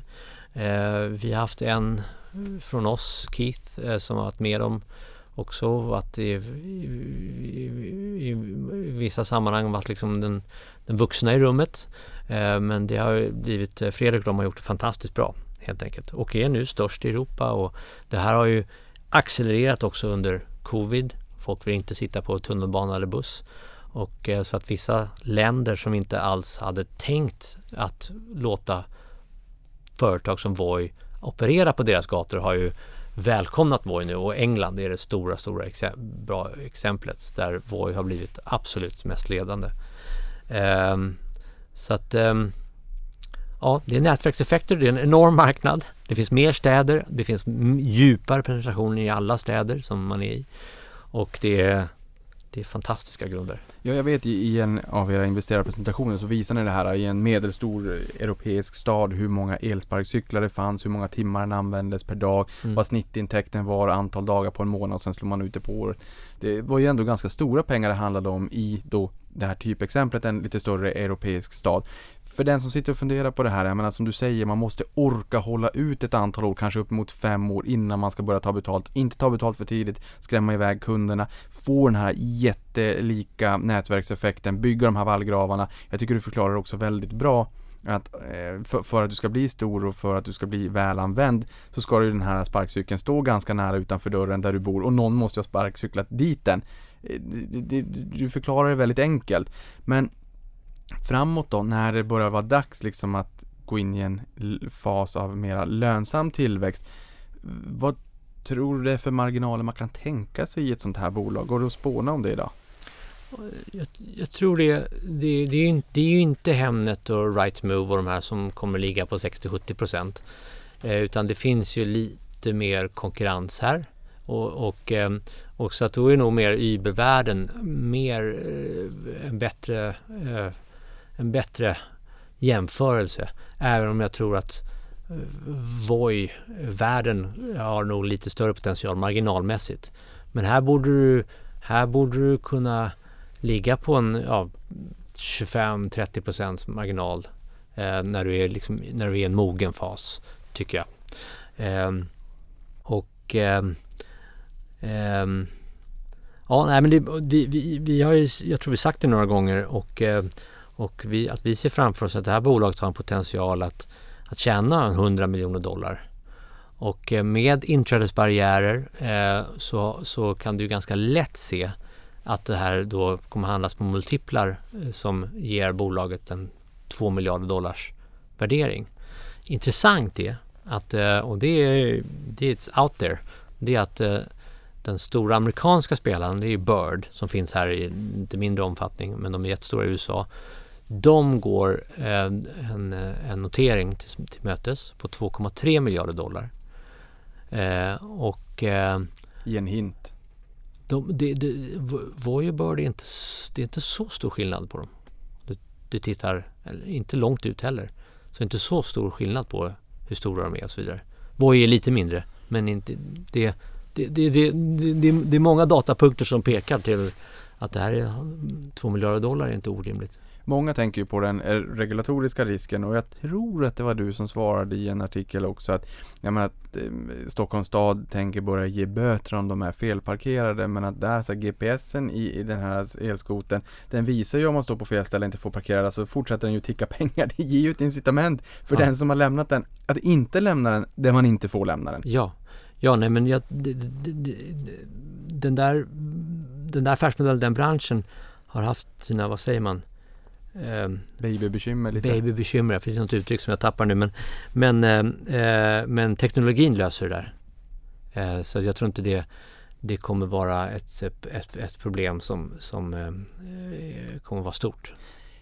Och I senaste årsredovisningen så skrev du eh, om tre spännande nästa generations innehav i portföljen. Mm. Vi har ju pratat om här att det finns nu i Babel de stora, tidigare var Avito, men det är också de här i, i liksom gräsrotsrörelsen eller såddfasen som kan växa sig väldigt stora, vilket ni har visat på historiskt. Och här pratar de om tre spännande nästa generations innehav i portföljen som då är Swivel, Dosta Vista och Booksy. Berätta ja. lite kort om dem. Ja, Swivel har vi då pratat om, det är att man löser ett stort problem i de här emerging market-städerna i form av mass transit, alltså ta sig runt stan. Dosta Vista är last mile delivery. Eh, eh, och ett ryskt bolag som nu har vuxit sig, har byggt en så pass stark produkt så de växer väldigt mycket nu i andra länder, Indien och olika delar av Asien. Eh, och eh, Booksy är en eh, är en mjukvara eh, för beautyindustrin, alltså frisörer och liknande Ehm, så att de, de köper en mjukvara för att managera sin business men det evolverar till en marknadsplats. Ehm, att, eh, I form av bokningar och så vidare. Och det är ett polskt bolag som äger Polen helt och hållet nu men som också har blivit eh, störst i USA. De, de växer snabbast i USA. Så att eh, väldigt framgångsrik produkt. I senaste årsredovisningen så eh, skrev du där att du är tennisentusiast och jämförde portföljbolagen då med tennisspelare. Det här är lite grann som Sverige kyrkan. Jag är lite av en sportanalfabet, men det är ju många som lyssnar på det här som såklart också är tennisentusiaster. Eh, kan du kort beskriva några av portföljbolagen och jämföra dem med de här tennisspelarna som du gjorde i årsredovisningen? Ja, nej men, det, men den, den analogin är då att eh, vi, vi kanske inte investerar i i Djokovic och Nadal och eh, Federer som kanske kan jämföras då med Amazon och Facebook och de där jättarna. Men, eh, men eh, vi, vi, vi, vi har saker i portföljen som ligger där under som är nu stora framgångsrika bolag som Babylon och jämförelsen där är väl ja, en Tsitsipas som heter den här nya unga killen som är fantastiskt bra. Men, men han är han, han, jag tror att han kommer bli etta i världen. Han, han är det inte ännu. Så det finns den potentialen kvar. Men eh, sen så är det en större grogrund där vi har eh, många, många investeringar som är den här Next Generation som kanske är eh, ja, Musetti eh, och eh, Sinner som är två italienska killar. Unga som tusan. Sinner vann sin första 500-turnering igår tror jag, i förrgår, var det tisdag då? Men måndags, i, i söndags. Så att de börjar komma. Eh, de, men de har vi nämnt och sen så också den här Sebastian Korda. Som är, ja de ligger nu alltså 50 till 100 i världen men jag tror de kommer bli topp 10. Och sen så har vi scoutportföljen och där har vi Ja där har vi Holger Rune som är Ja Om man är 18 bast. Och han kanske inte blir något men vi tror det. Väldigt spännande. Jag tror att det är många som lyssnar på det här som gillar tennis som också tycker att det är intressant att lyssna till den analogin eh, och liksom koppla ihop det här. Man får en, en bättre förståelse för hur ni tänker kring Jag bolagen och investeringarna ja. också. Eh, ni har ju digitala affärsmodeller, ni investerar i bolag med digitala affärsmodeller. Hur har bolagen påverkats av pandemin? För här har man ju sagt att många har tagit ganska stora digitaliseringskliv framåt senaste ett, och ett halvt åren. Ja, men det, ja, det, det, det är lite annorlunda. Alltså, alltså Babylon självklart starkt. Voi på mobilitetssidan eh, väldigt starkt också. Eh, Blabla eh, lite blandat därför att folk har inte börjat resa long distance så mycket ännu utan man rör sig framförallt inom sina städer. Inom sina städer vill man inte vara på bussen eller på tunnelbanan, då tar man Voi. Men, eh, men, men de som har rest eh, Eh, long distance, Paris, Lyon och så vidare. De vill heller inte vara på tåg eller buss utan de, de vill helst, de känner sig mycket mer komfortabla i en bil. Eh, därför där kan, det är mycket mer, även om det är med främlingar i Blabla, det, det är ju en plattform för liftning egentligen, eh, så är, kan du ha, är det mycket mer kontrollerbart. Du vet vilka som är där, du kan, du kan kontrollera egentligen om de, hur de mår och så vidare. Men så det är lite blandat. Så de, de har mycket högre marknadsandel men marknaden har gått ner. Och sen så har du bolag då som Getto som håller på att noteras nu.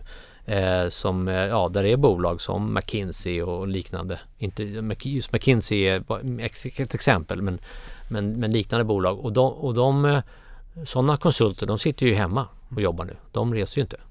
Alltså så att, så att de har påverkats negativt. Men det har också gjort att eh, de är mycket slimmare nu. De, är fortfarande liksom går, går bra på, och, eh, och värderingen är därefter. Så att jag, är, jag är, ja, vi är entusiastiska där. Mm. Kan kanske bli någon tilläggsinvestering.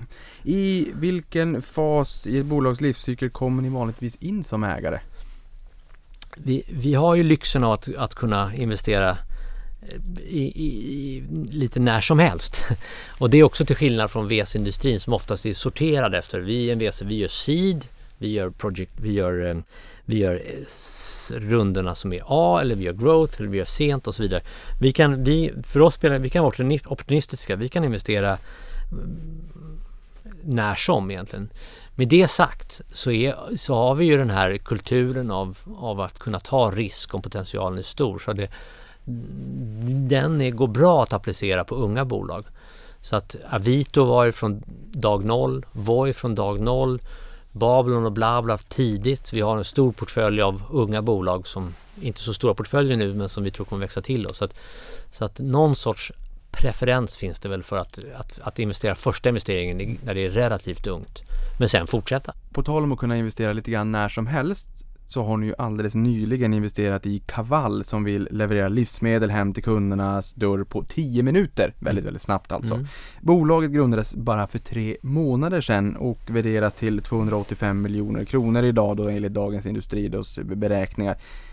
Det här är många nyfikna på. Det här har jag också fått frågor på från, från Twitter när jag sa att du skulle komma och gästa på den. Vad var det som lockade här? Det här, det här är en total wow-känsla. På samma sätt som att det var wow när folk började använda Kry eller doktor.se första gången. Så bara oj vad bra det här är. Så är det, nu är det ju så här, ja det är så vi gör. Alltså, jag undrar, jag menar, vem, vem går till vårdcentralen först? Utan du, du chattar eller du, det är det du gör. Kaval är precis samma sak. När man använder den för första gången och de har konkurrenter runt om i Europa men, men jag tror Kaval är speciellt bra. Eh, då är det en total wow-känsla. Och, men om ett par år kommer det vara så här, det är så här vi kommer handla mat. Det, med det sagt så kommer det fortsätta finnas fysiska butiker. Men det kommer vara lite likt Petsans. Social interaktion, kanske att eh, butikerna är nischade på hårdrock eller soul eller bra kött eller bra fisk eller och så vidare. Men den stora massan kommer handla på det här sättet. Därför att du kommer, du handlar, eh, de flesta av oss handlar att du kommer hem efter jobbet. Vad ska vi äta idag? Jag är sugen på carbonara. Jag går ner och köper bacon och ärtor och grädde och ägg och parmesan. Men, och det är så du gör här också på Kaval. Då, då, då, trycker du på carbonara. De, är också, de kommer ju från receptindustrin de här killarna. Så de är väldigt, väldigt välutvecklade. Du trycker på carbonara och sen så tio minuter senare så har du de ingredienserna. Åh oh, herregud. Så det, det är så här vi kommer att handla. Eh, här finns det också nätverkseffekter. Desto mer du data du samlar, desto mer kan du specialisera dig på Niklas vad du vill ha.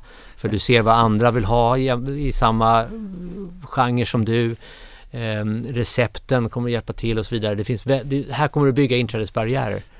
Jag skrattar lite grann för jag tänker mig om den här datan kommer visa att det fortfarande är ärtsoppa och pannkakor på torsdagar. Är det hemma hos dig? nej, det är inte det hemma hos mig. Ja, nej men, men eh, det, det är gott.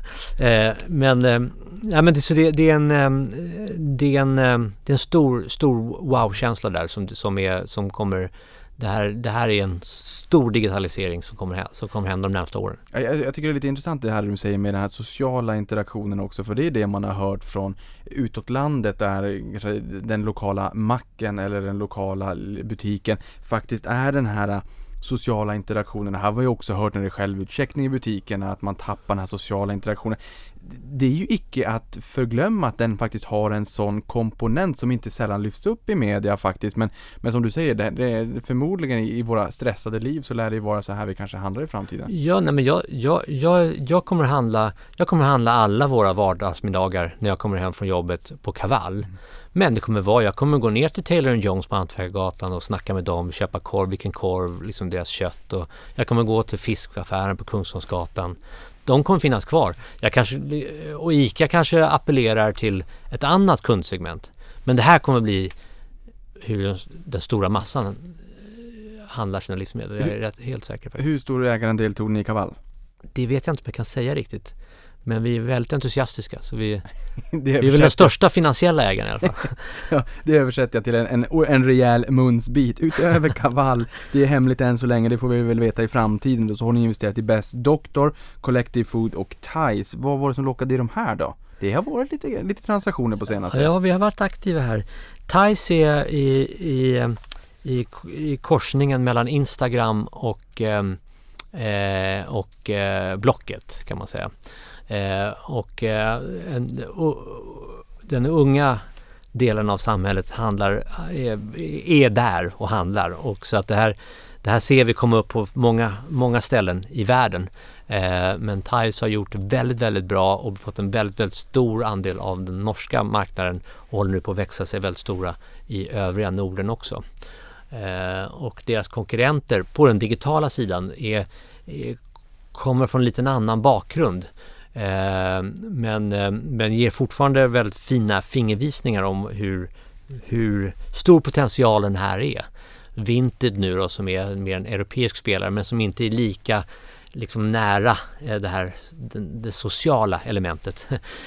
ligger på över 4 miljarder euro och, och motsvarigheterna i USA är ännu högre förstås. Så det är TICE, så det är lite där vi kommer ifrån. Det här är online classifieds men med social Eh, shopping på det hela som är det är det som växer snabbast världen över nu. Thais är superduktiga. Eh, Collective Foods är ett, eh, ett bra exempel därför att vi ser mer och mer att vi gör saker om det tidigare var business to consumer eller consumer to consumer så ser vi mer att de bitarna börjar nu bli utbyggda och det, vi börjar komma ner i nischer när vi arbetar där. Men det, där det fortfarande finns enormt mycket att göra det är business to business. Att vara marknadsplatser mellan företag. Lite som Getty egentligen.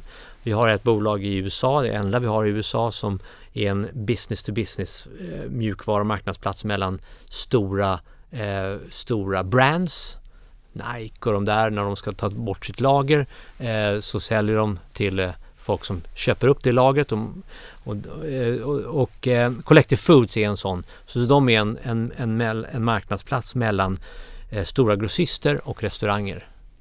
Eh, så att restaurangbusinessen har inhandlat i, stort i alla fall på ett väldigt ålderdomligt sätt. Man ringer, man köper eh, x antal fiskar och så vidare. Här, här tar man bort alla mellanlager och så, och, och så, så, köper du exakt så många fiskar du behöver och du vet exakt var de kommer ifrån och så vidare. Så du har en miljöaspekt på det också. Best Doctor är ett, eh, ett digitalt försäkringsbolag eh, inriktat på hälsa. Eh, återigen i Sverige så har vi eh, inte det har varit lika stort men i USA är det enormt. Oscar där är, är förebilden för Best Doctor. Eller eh, eh, det finns ett franskt också. Det finns, det finns ett antal stora internationella och Best Doctor gör det i Ryssland Eh, och är störst på det där. När du skrev här om Best Doctor så säger du att det finns en uppåtriktad potential om 5 till 10 gånger i det här bolaget inom den vanliga femåriga eh, tidsramen. Eh, ja, nu har man ju förstått när man lyssnar på den här podden att ni, ni hittar bolag som ni har och tror på att det är en enorm potential. Men, men min fråga är bara hur sjuttsiken hittar man sådana här bolag som har sån enorm uppsida på fem år? Visst, branschen säger att fem år är lång horisont, men så lång horisont är det ju inte. Det är imponerande ju. Ja, så Best Doctor är, är ju en bransch som är under förändring då, men, och visibiliteten när det är under stark förändring är låg. Eh, det, det, de stora drakarna som kanske prissätter annorlunda kan inte räkna på det ännu. Utan det, måste, det finns osäkerheter kvar hur de här ska prissätta sig in mot de stora försäkringsjättarna som finns där redan men som inte liksom är i närheten av att kunna leverera en digital produkt som nästan alla arbetsgivare vill ha. Best Doctors kunder är är Avito, alltså ryska Google, Yandex, ryska Facebook, eh, via kontakter. Det, det är de och som är, börjar bli jättar. Och de är, det är helt naturligt för dem. Ja, vi köper det här från ett digitalt försäkringsbolag. Liksom, de gamla kan inte leverera den produkten som vi är vana vid. Så att, men, men och det där kommer ju gå ut över resten av samhället också och då värderas om. Sen så Best Doctor är ju, det är Ryssland och det för med sig makroosäkerhet för de flesta. Vi känner fortfarande landet väl. De som är spelarna där i, i, i vår del av kapitalmarknaden känner oss väl. Så att det, är, det blir naturligt för dem att fråga oss. Ehm. Har, har, ni något mål om hur mycket pengar ni vill investera ungefär årligen eller blir det vad det blir? Det blir vad det blir. Ja. Det kan vara lite, något år kan vara mycket som det har varit på senare tid. För nu har ni varit aktiva. Ja prislapparna där ute. Men börsen är ändå relativt het får man ju säga. Men det jag har hört när man, när man lyssnar till människor är ju att ja, men även i den onoterade miljön så har ju prislapparna ändå hängt med uppåt.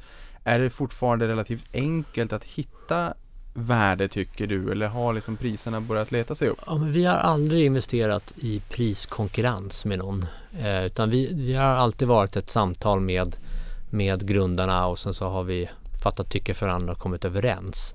Och eh, jag tror också vi är aktiva i, en, i ett skede där bolagen fortfarande är väldigt unga.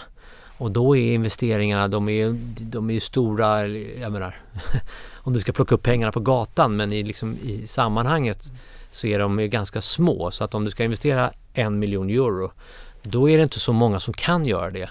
Därför att de stora drakarna de måste investera 25. Mm. Eh, och, då, och då blir inte konkurrensen lika stor för den som ska investera en. De ska in en. Så då, då blir prislapparna annorlunda också. Sen när de kommer upp och ska resa 25 då finns det massor med folk som, som kan investera och då, då sätts prislapparna därefter. Men där är vi sällan som första investering. Utan Ja, det låter ju onekligen som en väldigt stor styrka att kunna vara ner på, på liksom i mikroskopnivå och verkligen hitta de här spännande eh, resorna innan många andra eh, har möjlighet att vara med. Eh, sen får de vara med och trissa upp priserna om de vill så att ni skriver upp värdena i portföljen såklart. Hur, hur märker portföljbolagen av att eh, de har er som ägare? Så vi är alltid i styrelsen. Oss, vi själva som är anställda på VNV eller någon i vårt nätverk. Eh, så att eh, det är väl det tydligaste. Eh, sen, är vi, sen försöker vi vara väldigt tydliga mot alla entreprenörer att vi ska du ha någon som ska hjälpa dig driva bolaget, då är det inte vi. Eh, jag tycker mycket att våra investerarkollegor ofta vill ge sig in och peta och så vidare och jag tycker det skapar mer friktion än någonting annat. Vi väljer grundarna för att de är bra på att göra det de är och vi försöker stötta dem så mycket som möjligt men inte, inte vara med och, och försöka ändra riktningen eller, eller sådär. Om det inte går, om det inte har gått helt fel då får man ju förändra saker helt enkelt. Men så att vi, vi har nog, vi är nog inte, vi är inte de i, runt styrelsebordet som är mest högljudda och är mest liksom inne och petar. Utan, men vi är där. Ni är ju ett av få investmentbolag som eh, han, fortsatt ändå handlas till substansrabatt numera. Vad, eh, vad är din syn på det? Vad tror du att det beror på? Jag tror att vi eh, har mer att göra och jag är helt inställd på att göra det vad det gäller att eh, sätta oss på kartan.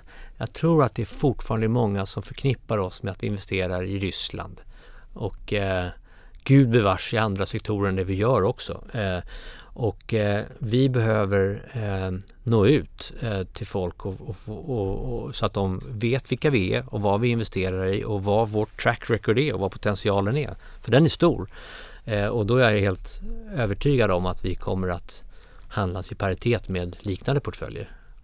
Ja, det är ju lite walk the talk för ni har ju också aviserat att ni kommer att återköpa egna aktier och det här har ni gjort under en 20-årsperiod och du, du sa att vi har inga illusioner om att det här i sig kommer att minska rabatten mot NAV eller net asset value eller nettoandelsvärdet och det handlar mer om att köpa tillbaka vår portfölj med en rabatt till vad vi i slutändan tycker är en konservativ NAV med enorm uppåtriktad potential. Det är en investering som är svår att hålla sig borta ifrån. Det är det du har varit in på att ni, ni ni är ju bekväma med att ta mycket risk om, om jag menar risk och avkastning hänger ju ihop och ni är ju också beredda att vara eh, långsiktiga ägare och vänta in bolagens utvecklingscykel. Just det. Eh, det har man ju fått en känsla av i, i det här uh, avsnittet. Och då vän av ordning blir såklart nyfiken. Följer du pilotskolan? På det sättet att jag äger aktier i bolaget? Ja, ja alltså jag, ja, jag äger aktier i bolaget. Men på din fråga också om att köpa aktier själva. För att vi, vi som bolag har ju möjlighet att göra det och vi utvärderar nya investeringar relativt våra egna aktier hela tiden.